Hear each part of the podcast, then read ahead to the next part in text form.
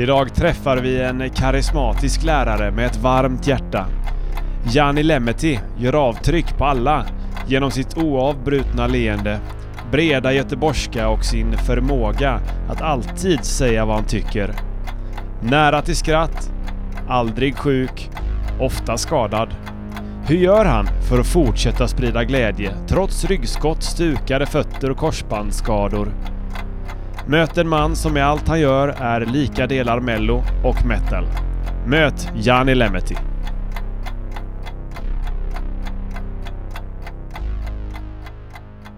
Det här avsnittet har jag sett fram emot eh, supermycket. Det är skitkul att eh, du är här. Eh, välkommen till Kvarnbypodden, Jani Lemeti.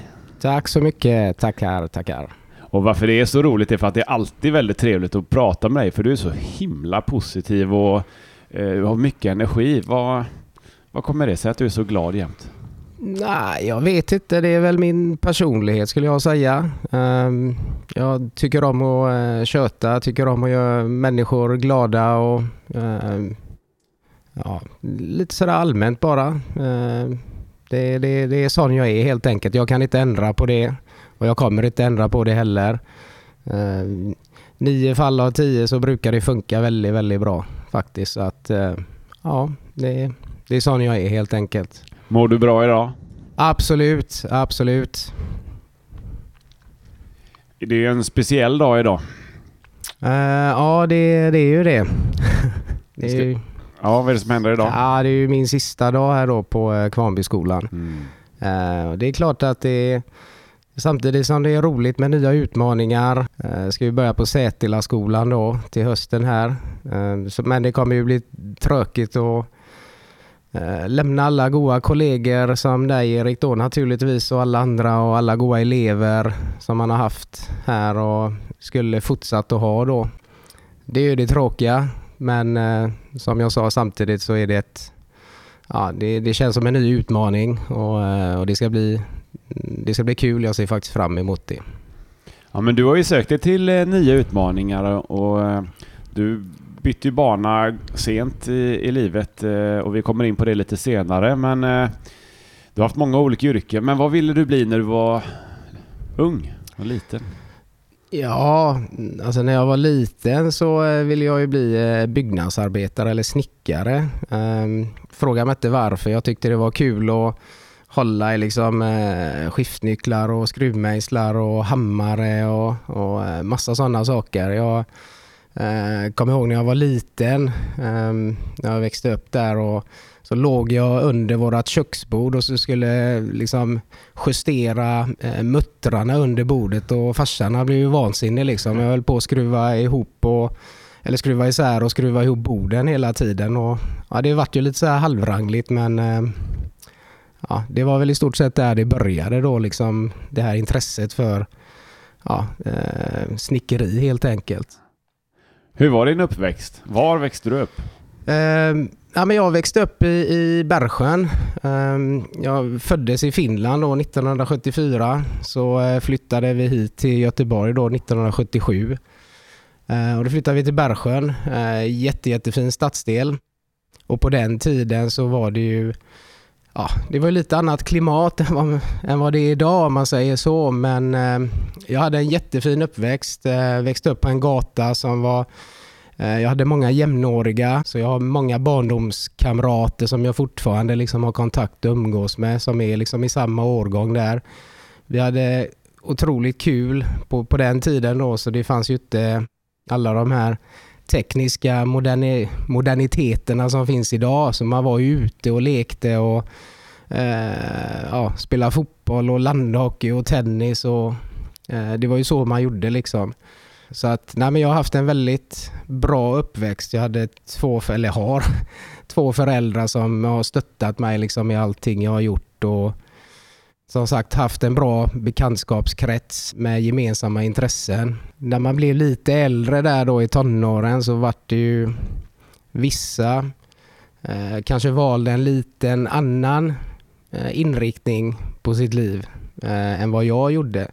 För jag var så otroligt fokuserad på det här med idrottande och så. Men, eh, nej, men alltså generellt sett så, eh, så var det eh, jätte, jättebra där jag växte upp i Bergsjön på 70-80-talet. Varför lämnade ni Finland när du var tre år?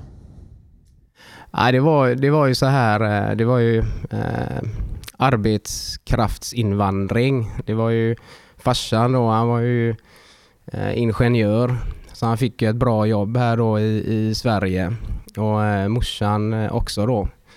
Um, och sen så hade min, mina två farbröder faktiskt flyttat hit något eller några år tidigare från Finland. Och, och ja, eh, så att det var, det var helt enkelt så att ja, det, var, det var arbete som lockade liksom. Som sagt, jag ångrar inte det sådär vansinnigt mycket idag kan jag säga. Vad har du för relation till Finland idag? Ja, jag har ju i stort sett hela min eh, släkt där ska jag säga. Jag har otroligt många kusiner. Har jag. Um, för både, alltså min, mina föräldrar de hade ju, eller ja, både har och hade många syskon. Uh, många av dem har ju gått bort idag, liksom mina uh, lite farbröder och sånt här. Men, och de i sin tur då har ju familjer och grejer. Så det, det är många som, eller de flesta bor ju kvar i, i Finland då, lite utspritt då på olika ställen. Men eh, tyvärr så numera så besöker jag dem inte sådär vansinnigt ofta. Det senaste, de senaste gångerna har ju varit när liksom mormor och morfar och farmor och farfar gick bort då på begravningar. Eh, vi, eh, vi brukar ju prioritera andra resor på sommarhalvåret om man säger så kanske. Så att eh, ja, tyvärr så har det bara blivit så. Hur var din skoltid i Bergsjön? Ehm, ja, men den, var, den var också bra. Uh, som sagt, jag gick på Bergsjöskolan då, uh, på högstadiet. Um, lugn och trygg skola på den tiden. Uh, återigen, det är ju lite skillnad på det här klimatet som råder idag i vissa, i vissa förortsskolor och så här. Men eh, faktiskt på den tiden då så var det, det var väldigt, väldigt bra. Um, jag kan ju inte säga att jag var någon större plugghäst. Det vill jag inte påstå, men eh, jag, jag, jag gick ut liksom skolan med fullständiga betyg och eh, kom in på det gymnasiet då som jag ville. Eh, och eh, jag, jag gjorde det jag skulle liksom, men hade jag kanske lagt lite mer energi på det istället för att tänka på eh, ja, bollar och puckar och klubbor och sånt som upptog kanske merparten av min tid då så kanske jag hade kunnat ta lite, lite bättre betyg. Det låter som att eh, idrotten har betytt mycket för dig. Oh ja, oh ja. Eh, den betyder egentligen allting, skulle jag nog säga. Jag började ju idrotta, eller jag började spela fotboll när jag var sex år gammal i Kottedala. Ehm, och så spelade jag där då tills jag var 14 och sen gick jag till Gais och spelade där i eh, Eh, åtta år ungefär. Um, och så fortsatte jag då spela fotboll tills jag var 37. Um, ehm, och då slutade jag aktivt och uh, så nu spelar jag på oldboys nivå då. Uh, men jag är alltså, det är ju stort sett alla bollsporter man, eller man höll ju på med alla bollsporter när man var en liten grabb. Uh, det var ju både fotboll och hockey och handboll framförallt då. Och det var det som var så gött att alltid ha någonting att göra på eh, både sommar och vinterhalvåret. På vinterhalvåret var det ju hockey och handboll eh, merparten och sen, sen på sommarhalvåret då så var det ju fotbollen som tog över. Så att eh, nej men det har betytt otroligt mycket för mig och har ju liksom skapat en, alltså en, ett socialt nätverk egentligen och det är ju en, en otroligt stor del, när det, speciellt när du håller på med en lagidrott Ehm, man får ju lära sig så otroligt mycket av sina lagkamrater och tränare och allting. Liksom hur man ska, alltså hur man ska bete sig eh, mot andra och liksom respektera varandra. Och, mm, ja, det är väl också en sån grej som har eh, format mig till den jag är idag. Eh, att jag försöker ju liksom leva efter det. Så att nej, idrotten har betytt otroligt mycket och som jag, som jag sa tidigare där i Bergsjön då så var det ju vissa andra då i, i, eh, ja, i min ålder som kanske valde att ta en annan väg i livet. Eh, börja med lite kriminalitet och sånt. Eh, men å andra sidan på den tiden så var det inte det här eh, som det här liksom råa som sker idag utan då kriminaliteten bestod väl mest av snatterier och kanske stjäla någon bil eller något sånt där. Det var väl mest sånt andra höll på med. Men som sagt, jag hade ju min idrott. Eh, jag hade min umgängeskrets då, eller min eh, kompiskrets och vi var ju liksom merparten som idrottade och ehm, ja, jag var alldeles för upptagen med det för att liksom kunna göra något annat eller fokusera på några andra konstigheter. Hade du eh, någon du såg upp till eller någon som betydde väldigt mycket för dig under din uppväxt? Ja, eh, det var väl alltså min idrottslärare jag hade på Bergsjöskolan tyckte jag var eh, väldigt, väldigt bra. Ehm, såg upp till honom. Eh, han hade också ett sätt och ehm, ja, det, det, är lite svårt att förklara egentligen men han hade någonting som gjorde att det liksom fastnat i bakhuvudet och jag liksom försöker och när jag har mina lektioner och liksom försöka, eh, hur ska jag säga, eh, tänka på hur hade Staffan gjort liksom här och eh, lite mer sådana saker. Ehm, sen förebild så är det klart alltså de här mm, första fotbollstränarna man hade, eh, de hängde ju med ett bra tag. Vi hade ju samma tränare. Eh, för på den, eh, på den tiden så var det liksom, då spelade man eh, årgångsvis. Eh, så vårt 74-lag då i Kotterolla där, vi höll ju ihop rätt bra. Vi hade ju förmånen att ha samma tränare i alla år. Eh, och det är klart att han eh, han såg väl någonting också och liksom försökte utveckla mig i, i den mån han kunde. Sen blev jag inte aldrig något proffs i och för sig, vilket var ganska synd kanske, men äh, ja. Nej men så det är väl, det är väl de förebilderna då, om man säger. Men du var ändå uppe och kände på elitnivå och när du spelade i Gais. Hur, eh, Ja, ja, både, ja, både ja och nej skulle jag nog säga. Det är väl... Eh, ehm, alltså det, det, det, det, var, det var en rolig tid var det ju. För Gais är ju ändå en elitklubb och på den tiden så låg de ju, alltså de låg ju i superettan, eller det hette inte superettan 94 eh, eh, när jag fick kontrakt då med, med A-laget. Utan då var det liksom division 1. Um, men det är klart att då var det liksom, då kom, tog jag steget från att bli junior till senior och uh, blev erbjuden ett lärlingskontrakt där då. Uh, och det är klart att det, det, det, var ju lite skillnad. Man märker ju att Gais är ju en, alltså det är en liten, eller inte liten, men det, det är en ganska uh, stor och anrik förening. Och det var ju mycket liksom hype runt omkring hela tiden på, det var ju fans på träningarna och så här. Och, så att, ja men det var, det var en rolig tid. Sen, sen, så, kan, sen så fick jag ju aldrig chansen då, eh, tyckte jag då i, alltså i, eh, i A-laget, i seriespel. Eh, jag var otroligt, jag var en målskytt eh, som junior liksom. Jag öste ju in, jag öste in mål och eh, öste in mål i B-laget men jag kände att jag fick liksom aldrig chansen i A-laget. Eh, de tränarna där, de, kanske valde att satsa på lite mer rutin och, och sådana som de liksom visste vad de, ja men det här, det här vet, det här får vi ut från de spelarna liksom. De kanske inte vågade chansa med en ung liksom 20-åring som var eh, första års senior. Um, så det, det, det, det var lite synd, uh, tycker jag, att jag aldrig fick chansen uh, så direkt. Men, uh, men det är ju som det är. Men det där klivet, jag tänker att det är väldigt många som spelar någon lagsport, ungdomar, eh, och eh, som drömmer om att få spela A-lagsnivå. Eh, är det något speciellt man ska tänka på där i den här övergången? Ja, men, ja, men var ödmjuk liksom. Låt det ta den tid det tar. Ha inte för bråttom. Eh, och där kan jag ju tycka att jag kanske var lite flanig emellanåt. Liksom. Att jag, jag förväntade mig att jag skulle få spela och när jag inte fick det så... Um, ja, jag ska inte säga, alltså fotboll är en lagsport. Det är alltid laget som går före naturligtvis men det beror ju på hur man tar sådana saker och ting. Så det gäller att kunna ta det och, och, och vänta och vänta och vara tålmodig och verkligen ta vara på chansen när man väl får den.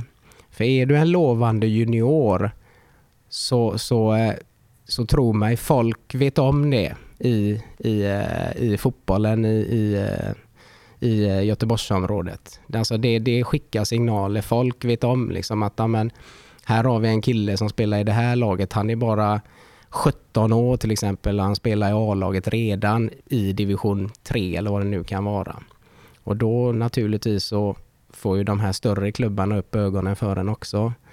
Men även om du ska ta det steget, eh, alltså det behöver ju inte vara en, det behöver inte vara liksom Blåvitt eller Gais eller ÖIS eller Häcken utan det kan ju vara eh, det kan ju vara lägre ner i divisionen också. Du går från junior så ja, som sagt, ha tålamod bara. Chansen kommer och när, när den väl kommer så gäller det att utnyttja det. Det, det är rådet skulle jag nog säga. Och, och vara ödmjuk. Är det något annat man ska tänka på för att eh, ja, men om, om det är en största passion i livet om man är 15, 16 eller sådär år och eh, tänker att nu vill jag verkligen spela fotboll eller hockey eller vad det nu kan vara. Ja, se till, se till och, eh, och pränta in någonstans att skolan är det viktigaste. Absolut viktigaste. Ehm, så, eh, och det, det fungerar väldigt, väldigt bra att ha gymnasiestudier till exempel och, eh, och, och spela eh, fotboll parallellt. Det finns ingenting som säger att man inte kan klara av det. Så se till att man har en gymnasieexamen i alla fall, så man har någonting att falla tillbaka på. Ifall det nu skulle vara så, alltså den, tittar man procentuellt så är ju kanske chanserna inte sådär vansinnigt stora att gemene man liksom blir fotbollsproffs. Naturligtvis så är det ju drömmen alla har. Den drömmen hade jag också när jag, eh, när jag var liten knatte. Eh, eh, men som sagt, ja, det är ju inte alltid det slår in men självklart måste man ju ha, alltså man ska ju sikta högt och man ska ju ha ambitioner. Eh, men någonstans så måste man vara lite realistisk också och tänka att okej, okay, blir jag nu inte fotbollsproffs, vad ska jag göra då? Och då är det, då är det, då är det jäkligt gött att ha en, eh, en gymnasieexamen och liksom falla tillbaka på. Du har ju gått från att vara junior och sen så bli ja, men senior och fortsatt spela fotboll och eh, säkert varit en förebild för många yngre och i din, i din roll som eh, lärare idag är du också en eh, förebild på många sätt och, och eh, har stor påverkan tänker jag på, på ungdomar. Vilka värden är det du vill förmedla i den rollen till yngre? Nej men alltså var, var, var, var, var ödmjuk. Eh, respektera varandra. Eh, alltså behandla folk som du själv vill bli behandlad. Eh, det är så jag, eller det är det jag brukar leva efter i alla fall. Bara det kommer man, eh, kommer man otroligt långt på faktiskt. Och så hela tiden försöka göra sitt bästa, försöka bli lite bättre eh, hela, hela tiden. Eh, i, I idrottsvärlden så brukar man säga så här, liksom, eller det finns ett, eh, finns ett talesätt som säger att du är aldrig bättre än din senaste prestation. Eh, så försök att liksom förbättra hela tiden allting du gör oavsett om det är, oavsett om det är idrott eller om det är liksom matte eller geografi eller vad det nu än kan vara. Eh, och så länge man gör sitt bästa hela tiden så, eh, så kommer man långt bara på det. Det här med respekt för andra och eh, att vara ödmjuk och behandla andra som man själv vill. Hur skulle du säga när du ser på högstadieelever idag jämfört med när du själv eh, var i det tonåren? Är det bättre eller, eller sämre? Alltså har man mer eller mindre respekt för varandra nu än då? Jag, tycker, jag, jag, tycker skolklimatet generellt har nog blivit lite, eller ja, jag tycker att det är hårdare än vad det var när, när jag var i den här åldern. Um, och det... Jag, jag, vet inte riktigt vad det, vad det beror på egentligen. Om, om folk generellt har en, eh, vad ska man säga, en, en liten annan jargong än, än vad vi hade på den tiden. Eh, och Sen så är det ju så här också att folk idag eh, ja, kanske är lite mer, vad ska man säga, lättkränkta än vad vi var när vi växte upp. Eh, kanske. Eh, men, eh, men som sagt, ehm, generellt sett så tycker jag att klimatet är lite hårdare i, i, idag. För, för, när jag gick på Bergsjöskolan också där så trodde jag såg eh, tillstymmelse på under de tre åren jag gick där på högstadiet till liksom det något bråk eller tjafs eller någonting utan det var liksom generellt en, en god stämning och liksom alla, alla kände alla och liksom alla kunde hänga med alla eh, utan problem. Mm, det är nog så tycker jag i alla fall. Ja, du bestämde dig förhållandevis sent för att bli eh, lärare. Du hade lite andra yrken innan va? Ja, det, det stämmer. Det stämmer. Um, jag, eh, ja, jag började ju faktiskt plugga när jag var 37 på eh, eh, universitetet här i Göteborg då, läste lärarprogrammet. Eh, kom till en punkt i mitt liv där jag bara kände att eh, nej, jag, jag vill inte pensionera mig liksom på sittandes och köra truck på skänker. Eh, där jag hade varit då sedan 99. Eh, och i samma veva där eller innan så hade min fru valde och eh, vidareutbilda sig. Hon var ju bara barnskötare först. Hon läste till lärare för lägre åldrar och då läste hon i tre och ett halvt år på gymnasiet. Eh, och då mitt i där någon gång så sa jag nej, nu, nu får det vara nog. Liksom. När du, så fort du är färdig så ska jag börja läsa till lärare. Uh, hon tyckte liksom okej, okay, var kom det här ifrån nu? Uh, men uh, som sagt, jag, jag, jag, kom till ett stadie där jag kände bara liksom att nej, det här är inte min grej. Det här vill inte jag hålla på med resten av livet. Um, så då um, sökte jag in där då på lärarprogrammet och kom in. Och min första tanke var ju då liksom, ah, okej, okay, vad, vad, vad, kan jag? vad är, liksom, vad, vad, är det jag brinner för? Ja, men det är ju idrott naturligtvis och idrottslärare var ju helt givet. Ja, men vad kan jag mer då? Ja, men jag kan ju engelska. Eh, det, det, det, det, kan jag ju liksom. Ja, men jag blir idrott och engelska lärare tänkte jag. Så att jag började när jag var 37 eh, och tog examen då eh, eh, sommaren, vad blir det, 2000, 2016. Och då var jag 42. Och det är klart att det var, ju, det var ju kul på ett sätt i och med att jag var ju så pass mycket äldre än merparten av mina klasskompisar. De kom ju direkt från gymnasiet. Så jag var ju liksom farfar för dem. Det var, så de, de mobbade mig lite ibland och så här och, och tjötade. Ja men ska du med dit och ska du med hit och vi ska dit. Bara, nej, nej, nej. Jag har ju, jag har ju familj, jag har ju barn liksom. Men det fattar ju inte de då. Uh, och hade jag ju uh, våran dotter då. Ehm, så att, eh, ja men det var lite annorlunda. Samtidigt så kommer jag med en helt annan arbetslivserfarenhet än vad de andra hade. Så jag hade ju liksom jobbat eh, eh sen jag var ja, 20 egentligen. Eh, så att ja, nej det var, det var spännande. Ja, då har du även jobbat som eh, snickare och, och haft lite olika jobb. Vad tar du med dig från de här tidigare arbetena, yrkena du haft in i din lärarroll? Nah, det är väl egentligen inte så mycket man kan ta med sig eh, tror jag. De yrkena jag har haft har väl inte varit att du ska liksom leda en eller vara liksom äh, ja, men leda en grupp människor eller liksom försöka vara någon form av ja, men kanske lite förebild och liksom uppmuntra folk och äh, liksom försöka utveckla folk. Så är det inte riktigt när du äh, jobbar på skänker kanske eller du är på ett bygge någonstans och du, du sätter lite gipsväggar eller, eh, eller skruvar lister eller vad det nu än kan vara. Då kör du liksom ditt race. Eh, så egentligen så kan jag nog inte ta med mig sådär vansinnigt mycket i, eh, från det till läraryrket.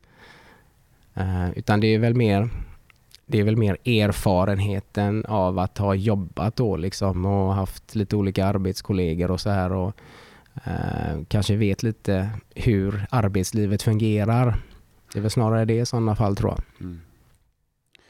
Idag kan eh, man uppleva ibland att det är ganska drivet eh, bland ungdomar att man har inte alla, men många har vägen utstakad redan kanske i högstadiet att man ska, jag ska bli, få det yrket så att jag behöver gå den här linjen och sen ska jag direkt vidare in på universitetet och, och väldigt fort ut i yrkeslivet. Och det är ju raka motsatsen, eh, tänker jag, mot när du valde den, det yrket som du kommer jobba med närmsta tiden då. Eh, att du gjorde det så sent. Mm. Jag tänker att det kan vara en skön kontrast för, eh, för många att höra det, att det går jättebra. Och...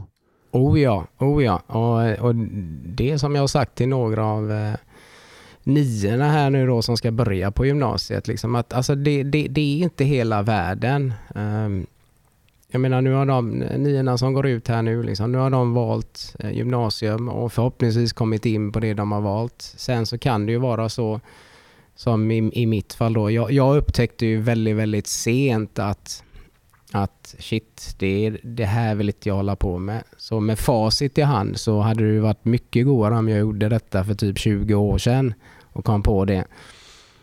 Men alltså det finns ju alla möjligheter i världen idag ifall det är nu så att man, ja, men man känner efter något år eller sådär att nej det här var nog inget för mig och jag, nu, nu är jag intresserad av detta och jag skulle vilja satsa på det här istället. Jag menar svenska skolorna, det finns ju alla möjligheter i världen liksom att, att, att byta och det är liksom inget, det är ingen panik om man kommer på det efterhand. Men som sagt, kanske inte ska vänta lika länge som jag gjorde. Men, eh, Eh, men som sagt, möjligheten finns alltid liksom att, att, eh, att ändra sig. Hur ser du på framtiden? Och då kanske jag inte tänker på just din personliga framtid, närmsta framtid, utan i stort i samhället, Sverige. Ja du, ja, det, var en, eh, det, var, det var en bra fråga. Ja, är den eh, ljus eller mörk? Nej, men jag, tror, alltså, jag tror efter, alltså, efter, den här, eh, efter den här jäkla pandemin nu då, så kan vi få ordning på den liksom, så ser det ju betydligt ljusare ut. Just nu så känns det ju ganska mörkt liksom, med allting som händer med pandemi och och det är demonstrationer liksom och folk som inte kan bete sig och det är väl det är väl mer sånt som, som gör mig upprörd, sådana här saker som eh, till exempel att man, alltså demonstrationer, fine, kanske i all ära mot orättvisor. Absolut att vi ska, vi ska ha det. Kanske inte i dessa tider när det är corona och det samlas liksom 2000 pers på ett och samma ställe. Och så har du då en liten klick som eh, liksom eh, saboterar och vandaliserar. Alltså det, det är så, det är så Alltså man, man, man blir bara så förbannad. Ehm, så eh, nej men det, det ja, kan vi, kan vi, kan vi liksom få ordning på, för det första den här pandemin då, coronan. Um, få ordning på ekonomin igen liksom, så allting bara flyta som det ska. Det är ju många, alltså många som har förlorat sina jobb och så här just nu på grund av det här. Det är ju många uppsägningar och sånt så kan liksom saker och ting börja rulla igen så tror jag det kan, eh, det kan eh, se ljusare ut och sen att vi får, eh, att vi får ordning på den, ja ursäkta nu blir jag kanske lite politisk här, men jag skulle vilja få ordning på den organiserade brottsligheten. Där är någonting som vi, vi måste ta tag i med hårdhandskarna. Få ordning på lite sådana smågrejer bara. Så, alltså Sverige är ju ett fantastiskt land på alla sätt och vis, absolut. Det finns alla möjligheter i världen och vad vill du att dina elever ska säga om dig? Oj. Ja, men jag, hoppas, ja, men jag hoppas de säger liksom att eh, shit vad, vad, vad, vad kul det var att ha Jani som lärare. För han var, alltså, han var, han var, så, han var så öppen och han var, alltså, han, han var sig själv. Man kunde skoja med honom. Eh, vi lärde oss, eh, vi lärde oss saker. Ehm, och han, ja, han, han, var bara liksom en, han var en, han var en god gubbe helt enkelt. Eh, så hoppas jag i alla fall att eh, några säger. Trots ditt sena byte eh, av karriär så har du många år kvar som lärare. Vad hoppas du eh, åstadkomma i din roll? Förhoppningsvis då förmedla de kunskaperna som jag besitter och, och eh, ehm, ja, alltså utbilda de här ungdomarna och, och försöka att eh, fostra dem till att bli bra medborgare. Det var det vi snackade om i, i, eh, för en stund sedan där med det här med respekt och liksom respektera varandra och, och behandla varandra på ett bra sätt liksom. Och, eh, och, och, och, och eh, ge dem möjligheten för en bra framtid. Har du någon förebild idag? Ja, det är ju dig Erik. Ja, tack. Det är klart när man snackar förebilder så är väl alltid alltså morsan och farsan eh, de har ju alltid varit ens förebilder i, i den bemärkelsen. Kanske inte så mycket ur yrkes eh, relaterat men, men generellt liksom. De har ju alltid funnits där för mig. Jag vet inte hur många eh, tusen miljarder mil farsan har kört mig till liksom träningar och matcher och sånt. Och det kommer jag ju vara evigt, eller honom evigt tacksam. Det, det, det kan jag ju säga. Och morsan liksom har ju alltid funnits där också när man har behövt eh, lite stöd eller vad det nu än kan vara. Um, så att det är klart att de är väl de är väl förebilder om något, skulle jag nog säga kanske då. Du är ju skadad titt som tätt. Det oh. åker du på i, ja. när du fortfarande ja. fortsätter spela ja. olika idrotter eller hålla på med olika sporter. Och första gången jag träffade dig är när du gick in på skolan här. Då kommer du helt ny på jobbet, första läraryrket. Kommer du med gips va? Kryckor? Nej, nej, riktigt så farligt var det inte. Men det var en, det var en fett lindad fot var det, kan jag säga. Den eh, såg ut som en handboll. Flipflops, lindad fot ja. och badshorts ja. in på ja. Skolan här. Det gjorde ett jättefint intryck. Ja, det var, det var spännande. Ja, nej, men sen har jag sett dig skadad titt som tätt här, men aldrig sjuk. Nej, Nej, det stämmer. Jag har, eh, jag har aldrig eh, varit sjuk och det, det gäller faktiskt under alla de åren som jag har jobbat. Eh, jag kan inte minnas jag kan inte minnas att jag någon gång har varit hemma och varit sjuk. Sen vet jag inte vad det beror på. Det, eh, det, kan, det kan säkert hända att jag har varit sjuk men ändå kommit hit. Eh, men det är, sån, det, det, är liksom min, det är liksom min arbetsmoral. Jag tycker personligen då att man, man, man kan gå till jobbet även fast man kanske har en liten kråka i näsan eller man är lite snuvig eller man känner sig lite rosslig i halsen.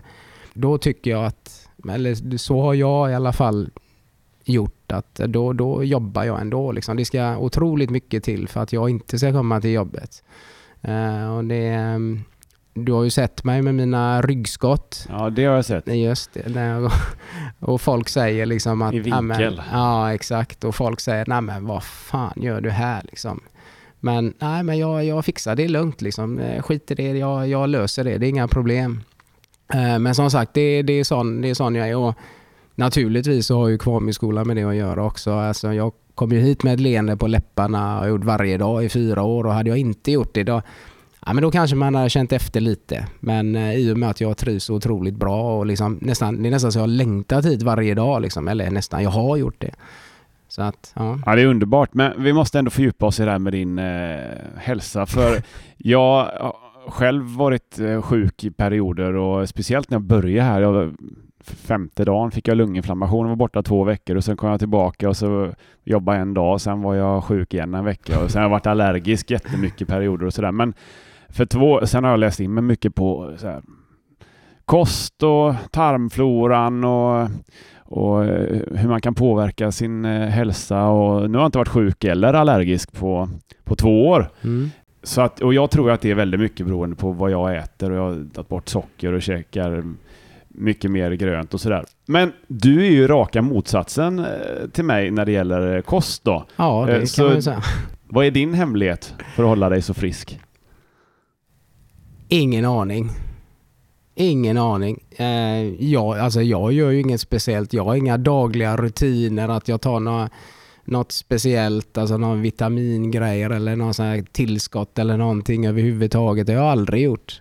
Eh, så jag har faktiskt ingen aning. Utan jag, jag, jag, jag tror bara det att mitt immunförsvar är så jäkla bra. Och bara för att jag säger det nu så kommer jag säkert åka på corona här när jag lämnar idag. det hade ju inte förvånat mig men eh, eh, jag, jag, tror helt enkelt det. Eh, jag, som sagt, jag har, Eh, jag, jag, haft, jag, jag tror jag har haft feber en gång i hela mitt liv när jag var liksom tio år gammal. Eh, haft lunginflammation en gång när jag var 12 år gammal. Men då var jag ju så eh, flanig så jag spelade en hockeymatch och däckade på isen. Det var ju inte det smartaste jag gjort kanske men eh, annars liksom utöver det så har jag nog aldrig varit sjuk i den bemärkelsen. Eh, och framförallt så är att jag inte har kunnat gå till jobbet eller skolan. Däremot så när vi snackar skador, det är ju, liksom, det är ju en helt annan sak. det är ju lite korsbandsoperationer och eh, lite sådana benbrott och, och så här. Så att, ja. Men glad ändå? Ja, ja, ja, men, men det måste alltså. Det finns ju de som har det hundra gånger värre. Det är ju Ilans problem. Om jag kommer hit med lite ryggskott och går som en fällkniv liksom i en vecka. Jag menar herregud. Det finns ju de som har det betydligt värre så varför ska man gå runt och gnälla för det? Det finns ju ingen anledning, tycker mm, jag. Väldigt bra inställning. Det tar vi som ett tips till alla lyssnare. Ja, det tycker jag absolut. Det finns alltid de som har det värre. Ja. Tänk på det. Vi, i, igår överraskade du mig med att eh, du är en inbiten korsordsfantast. Oh ja, oh ja. Så eh, på det kulturella spåret tänker jag att vi ska avsluta med att du ska få tipsa om en bok och en eh, film, en låt eller en podd eller något annat. Något kulturellt i alla fall får du, får du dela med dig av. Och säg inte korsord nu. um, Musik gillar du ju. Ja, jo men det gör jag. Det gör jag absolut. Ja. Alltså jag, jag är ju allätare vad gäller musik så. Det är klart att jag har några favoriter. Um, så uh, musik, ja men det är väl lite av det hårdare slaget. Finns ju några, jag har några favoritgrupper. Jag vet inte om de säger det så mycket men det är ju Slipknot, uh, Machine Head, Uh, six feet under. Alltså. Men du, det är lätt att sitta här och vara stursk. Du lyssnar mest på Melodifestivalen. det vet ju jag. ja, men det händer väl också. Alltså jag är ju en stor mellofantast. Ja. Det är jag, så det är, det är klart att det är lite kontrast. Det är det ju absolut. Men om jag får välja musik hemma så blir det ju liksom eh, det som jag nyss sa där då. Men det är, det är ju under förutsättning att jag är hemma själv, för varken min fru eller dotter då, då eh, ber de mig dra åt tjottahejti liksom om jag ska slänga på sån musik. Eh, men, eh, men Mello, det vet du Erik, att det är ju årets höjdpunkt liksom. Det är ju, det är, eh, det är ju mäktigt. Vad gäller böcker så, jag läser ju inte sådär vansinnigt mycket kanske. det, det är inte riktigt min grej, men men jag har läst, alltså det jag läser det är självbiografier tycker jag är väldigt intressant. Eh, så att eh, för alla United-supportrar där ute så har ju Sir Alex Ferguson eh, släppt en självbiografi som jag tyckte var väldigt, väldigt intressant att läsa. Så den kan jag tipsa om och eh, även eh, David Beckham har ju släppt några böcker, en eh, gammal United-legend. Vi tar med oss de tipsen. Tack så mycket Janni Lemety och ha en god sommar. Tack så jättemycket Erik. Tack för att jag fick vara med. Det var svinkul. Verkligen. Tack. Tack. Hej.